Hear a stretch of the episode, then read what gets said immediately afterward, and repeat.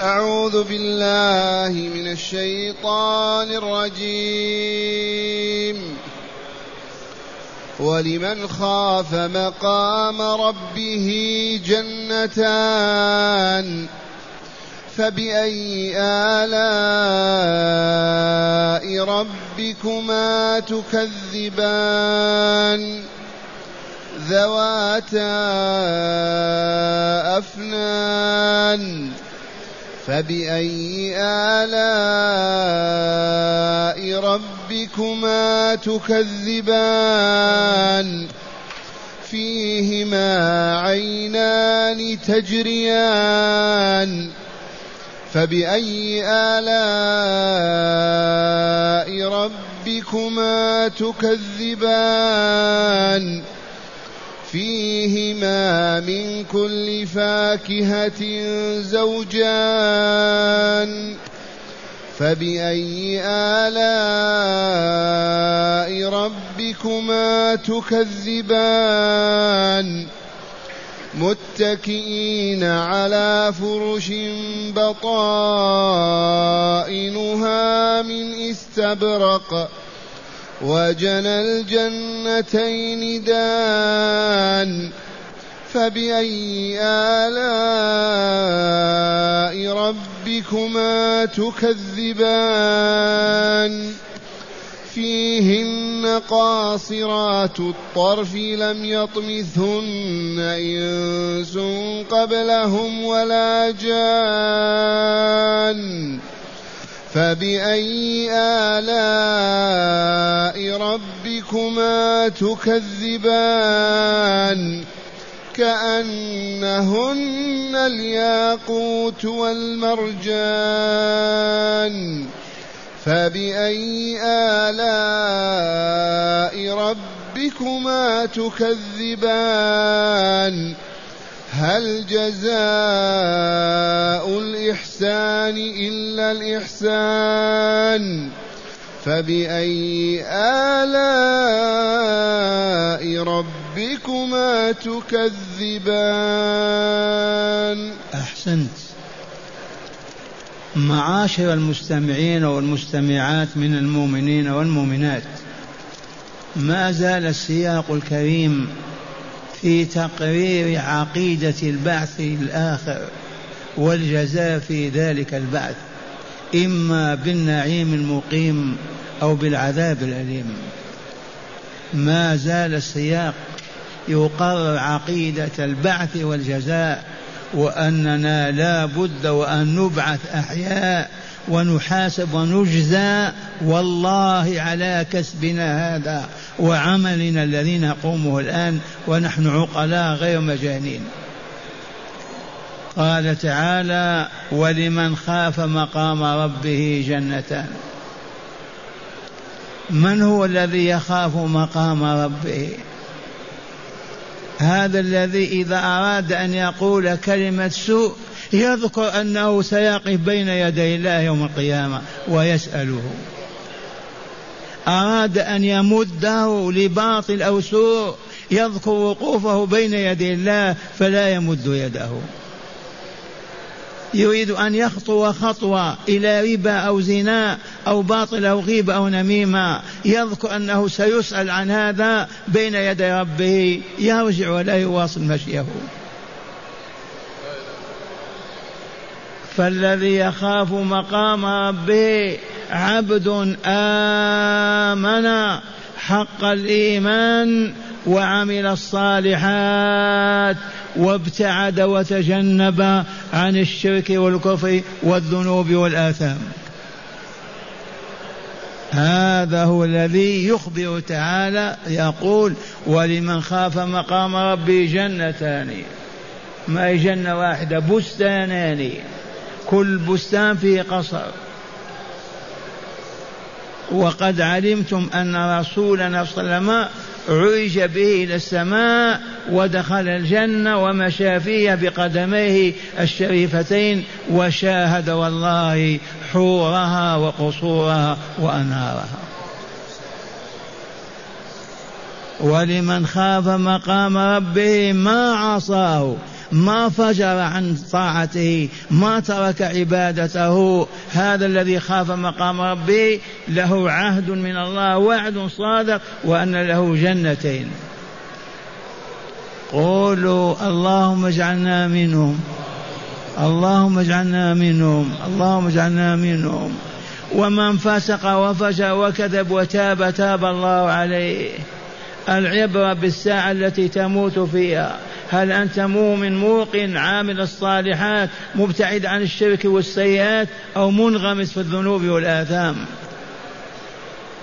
ونذكر هذا وما ننساه. نحن نذكر دائما أننا مع الله. والله إننا مع الله. ترفع رأسك يراك الله. تقول كلمة يسمعك الله. تمشي خطوة يدري بها الله ويعلمها. فكيف ما نخاف وما نرهبه كيف نعصيه ونخرج عن طاعته ونحن ذاكرون له؟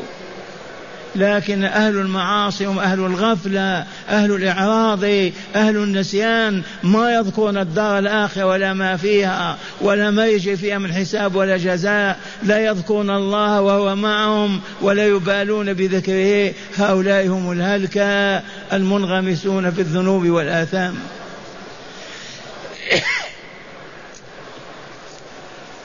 ولمن خاف مقام ربه جنتان فبأي آلاء ربكما تكذبان؟ أي تكذيب بهذه النعم يا عباد الله؟ ربنا آمنا بنعمك وما كذبنا فيها يا رب العالمين. ربنا لك الحمد. ثم يقول تعالى ذواتا أفنان. الجنتان كل جنة فيها أفنان. أنواع من الثمار والنهار وقل ما شئت. ألوان. ما هو بستان كما بساتيننا في نخلات وإلا تفاحة وإلا رمانة جنتان ذوات أفنان. جمع فن وهو اللون. وتعرفون الفنون في الأغاني. ألوان وأنواع. ذوات أفنان فبأي آلاء ربكما لا بشيء من آلائك ربنا نكذب. ربنا لك الحمد ربنا لك الحمد ربنا لك الحمد. ثم قال تعالى فيهما عينان تجريان في تلك الجنتين عينان تجريان من الماء العذب الفرات وأنت في بستانك في قصرك والعيون يجي ماء بين يديك. وتدرون هذا البستان الذي تعطاه أو بستانين أكبر من الدنيا هذه. والله أكبر من هذه الدنيا.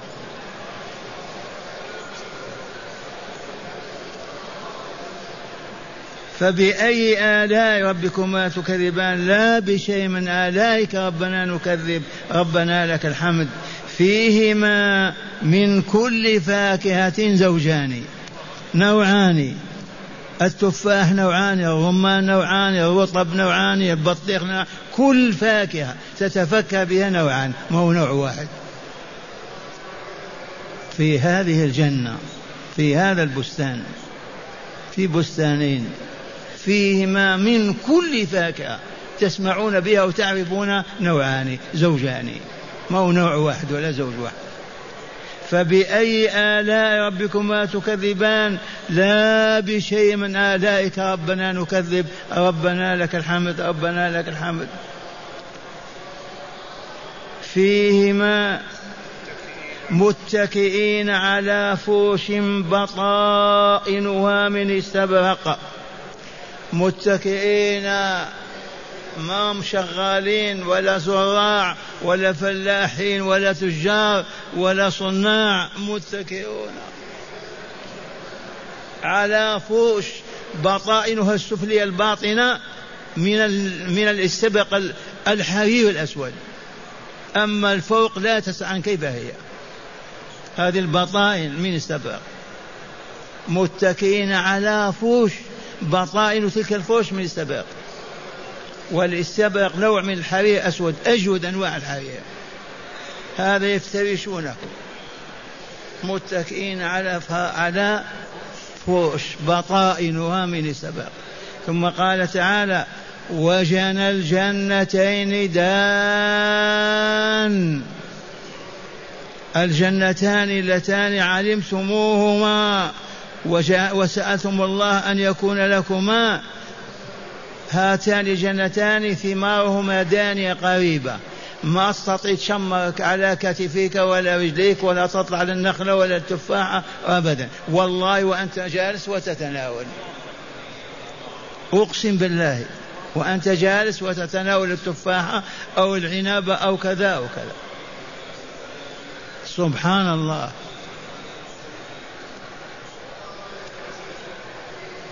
ماذا قال تعالى؟ وجنى الجنتين داني أي قريب. ما يحتاج كما أنت الآن في بستانك. تطلع للنخلة تطلع كذا تأخذ العجون وتأخذ الغصن وتهبطه وتأخذ. هذا تعب وشقاء. والدار دار نعيم ما هي دار شقاء؟ إذا فالفواكه المختلفة المتنوعة تنالها أنت في مجلسك. إن أردت وإذا لم ترد الخدم الملائكة يقدمون لك ما تشتهي في كل ساعة.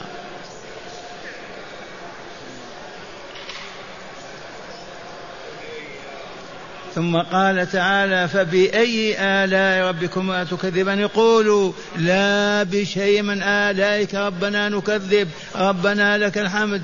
هذه النعم كيف نكذب بها؟ ثم قال تعالى فيهن ولم يقل فيهما. والمعنى واحد فيهن أي في تلك البساتين والجنات. فيهن قاصرات الطرف عين كأنهن بيض مكنون. فيهن قاصرات الطرف لم يطمثهن إنس قبلهم ولا جان والله العظيم. من هن قاصرات الطرف؟ تعرف قاصرة الطرف امرأتك أو أختك المؤمنة. ما تفتح عينها في رجل أبدا. تقصر هكذا وتضم تغمض عينيها إلا عن زوجها. ويوجد في دنياكم هؤلاء المؤمنات.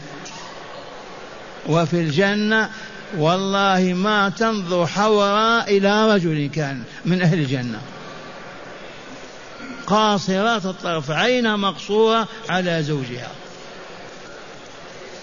وينبغي أن يكون نساؤنا من هذا النوع وكن هكذا. وأما شيخكم والله إني لمقصور الطرف في الشارع. غمض عيني ولكن ساعدني أنني مدفوع بالعربة. لو نمشي ممكن ما نعرف كيف. لكن ما دمت راكب مغمض عيني. قاصرات الطرف لا نفتح عيني إلا في زوجتي فقط. فيهن قاصرات الطرف. زيد لم يطمثن لم يجامعهن قبلهم إنس ولا جان.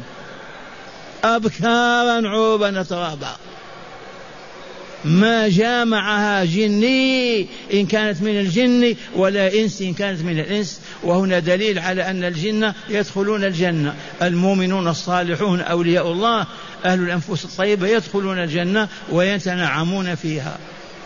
نساء ورجالا. سبحان الله. قاصرات الطرف لم يطمثهن لم يجامعن لم يمسهن إنس ولا جان. ابدا. ابكارا عروبا اترابا كما في الآية الكريمة. عرفتم هذا؟ أبكار. ما افتضت بكراتهن ما جمعهن إنسي مع الإنس ولا جن مع الجنيات. زيد فبأي آلاء ربكما تكذب؟ لا بشيء من آلائك ربنا نكذب ربنا لك الحمد. هذه النعم كيف نكذب بها قال تعالى في وصف الحور العين كأنهن الياقوت والمرجان. تعرف الياقوت؟ ليس له الذهب والفضة. بيضاء كال... كال... أكثر من القمر. والمرجان كذلك. بيض عجب كأنهن الياقوت والمرجان. هذا جمالهن. هل هذا يشمل المؤمنات أو هذا خاص بالحور العين؟ السياق في الحور العين. ولكن المؤمنات الطاهرات الصالحات لما يبعثهن الله يبعث على أحسن حال كالرجال هل نبعث نحن على هذه الهيئة؟ يكون طول أحدنا ستون ذراعا كآدم عليه السلام. هكذا يقول تعالى فيهن قاصرات الطرف لم يطمثهن إنس قبلهم ولا جان فبأي آلاء ربكما تكذبان؟ لا بشيء من أنا كأنهن الياقوت والمرجان. اسألوا أهل المال يعرفون الياقوت كيف لونه والمرجان كذلك. وهنا يقول الرسول صلى الله عليه وسلم المرأة في الجنة المرأة في الجنة يظهر بياضها وعليها سبعين حلة لجمالها سبعين حلة ويظهر حتى المخل في عظامها. سبحان الله العظيم. كأنهن الياقوت والمرجان فبأي لكم كذبان؟ هل جزاء الإحسان إلا الإحسان أو لا؟ والله ما جزاء الإحسان إلا الإحسان. أحسنوا عبادة ربهم. عشرين سنة ومئة وخمسين طول العمر. وهم يعبدون الله ليل نهارا ولا يخرجون عن طاعته ولا يفسقون عن أمره. ومن زلت قدمه وسقط قام وانتفض وقال أتوب إلى الله وأستغفر الله وواصل توبته حتى توفاه الله. هذا هو المحسن. جزاؤه ماذا؟ الاساءه الاحسان ما جزاء الإحسان إلا الإحسان. هذا حكم الله. ويجب أن نتعامل به أيضا نحن. ما نجازي المحسن إلا بالإحسان. المسيء يجازى بالإساءة والمحسن يجازى بالإحسان. هؤلاء أهل عبادة الله الذين خافوا مقام ربهم وخافوا وهبوه فعبدوه وأطاعوه فزكت نفوسهم وطابت أرواحهم وأصبحوا أهلا للنعيم المقيم. قال تعالى وهل جزاء الإحسان إلا الإحسان نعم ما جزاء الإحسان إلا الإحسان. فجزاهم الله عز وجل بهذا النعيم المقيم. وما زالت صفاته أمامنا. فبأي آلاء ربكما تكذبان؟ قولوا لا بشيء من آلاء ربنا نكذب. ربنا لك الحمد ربنا لك الحمد. عباد الله معشر المؤمنين والمؤمنات خافوا مقام ربكم. اعلموا أن الله معكم يسمع كلامكم ويرى مشيتكم وحركاتكم وسكناتكم. واعلموا انكم ستقفون بين يديه فيسالك لم زنيت لم فجرت لم قتلت لم كذبت لم لم لم كيف يكون جوابك؟ هيا نعيش على مبدأ أننا خائفون من مقام ربنا ولمن خاف مقام ربه جنتان. وذكر ما في الجنتين من النعيم العظيم المقيم ثم ختم ذلك بهذا الخاتم. هل جزاء الإحسان؟ إلا الإحسان. أي ما جزاء الإحسان إلا الإحسان. وما جزاء السوء إلا السوء. والآن نسمع الآيات مجودة مرة ثانية. هداية الآيات بسم الله والحمد لله والصلاة والسلام على خير خلق الله سيدنا ونبينا محمد وعلى آله وصحبه من هداية هذه الآيات أولا فضل الخوف من الله تعالى وذلك كأن تعرض العبد كأن تعرض تعرض للعبد المعصية فيتركها خوفا من الله تعالى. أعيد. فضل الخوف من الله تعالى. من هداية هذه الآيات فضل الخوف من الله عز وجل. يا عباد الله خافوا ربكم. لا تعصوه لا تخرجوا عن طاعته. وقد سمعتم جزاء الخائفين. ولمن قام خاف مقام رب جنتان وما فيهما من نعيم مقيم. من هداية هذه الآيات بيان فضل الخوف من الله. المؤمن ترتعد فرائصه ما يقوى على أن يعصي ربه. بل إذا ذكر ربه بكى وسالت دموعه فكيف يعصيه ويخرج عن طاعته؟ ومع هذا يا معشر المستمعين لن تستطيعوا أن تخافوا ربكم إلا إذا عرفتم محابه ومكارهه. وعرفتم وعده لاوليائه ووعيده لاعدائه وبذلك يمكنكم أن تخافوا الله وتعبدوه. وهنا معنى هذا يجب أن نتعلم. الذي ما يعرف ما يحب الله ما يكره الله كيف يفعل المحبوب يترك المكروه؟ كيف يخاف الله وهو ما عرفه؟ لا بد من طلب العلم. طلب العلم هذا نظيره هذا الحلقة هذه الحلقة. هكذا كان على رسول الله أصحابه رسول الله بعد صلاة المغرب في قريتنا في حينا في الصين في الهند في أوروبا في المدينة نصلي المغرب ونجتمع كاجتماعنا هذا على آية من كتاب الله أو حديث من أحاديث رسول الله. كل ليلة نزداد علما طول العام وبذلك نعرف محاب الله ومكاره الله ونقوى على الخوف من الله. أما مع الجهل هيات هيات أن نستقيم. هيا نقضي هذا الجهل ما نبني مدارس ولا ندعيها فقط يا أهل القرية ألكم جامع كبير كهذا؟ إي نعم. قالوا ضيق وسعوه وإذا دقت الساعة السادسة ومالت الشمس للغروب يا أصحاب الدكاكين أغلقوا أبوابها. يا أصحاب المقاهي أغلقوا أبوابها. يا كتاب يا عمال أرموا ما في أيديكم. توضأوا وأتوا المسجد بنسائكم وأطفالكم. تصلون المغرب كما صلينا وتجلسون بين يدي العالم الرباني بالكتاب والسنة ليلة آية كهذه وليلة حديث وطول العام. يبقى جاهل أو جاهلة والله ما يبقى. وإذا انتفى الجهل يبقى الفسق والفجور والله ما يبقى. أقسم بالله. الفسق والفجور كله من الجهل. بعد العلم ما يكون فسق ولا فجور. وهذا مشاهد عندنا. ادخل قرية من القرى واسألهم عن أتقاهم لله تجده أعلمهم بالله. هاتي. ثانيا فضل نساء أهل الجنة في حبهن لأزواجهن بحيث لا ينظرن إلا إليهم. الله أكبر.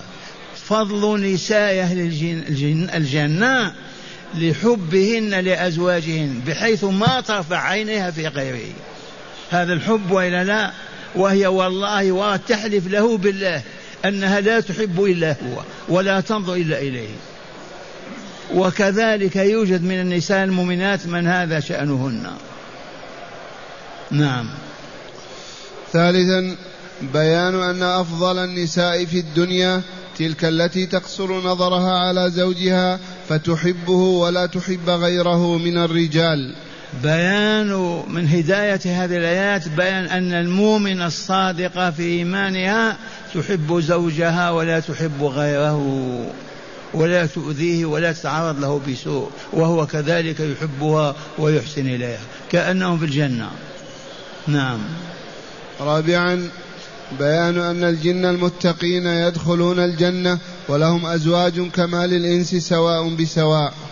اي نعم. أهل الجنة من الإنس لهم أزواج ومن الجن لهم أزواج. إذ الجن عالم كعالمنا هذا. يبعث الله الرسول في الناس وهو رسول إليهم. فإن آمنوا واتقوا الله أكرمهم الله وأدخلهم الجنة نساء ورجالا. وإن فسقوا وفسقوا أدخلهم النار كبني آدم. الآية تقرر إن الجن يدخلون الجنة ويسكنونها. نعم خامسا الإشادة بالإحسان وبيان جزائه والإحسان هو إخلاص العبادة لله والإتيان بها على الوجه الذي شرع أداؤها عليه مع الإحسان إلى الخلق بكف الأذى عنهم وبذل نعم. الفضل لمن احتاجه من هداية منهم. الآيات بيان فضل الإحسان والإحسان نوعان نوع في عبادة الله تحسن عبادة الله في وضوئك في غسلك في صلاتك في حجك في رباطك. دائما تحسن العبادة. ثانيا إحسانك إلى الناس بالكلمة الطيبة والوجه الباسم وعدم الأذى والشر فيهم. وما جزاء الإحسان إلا الجنة.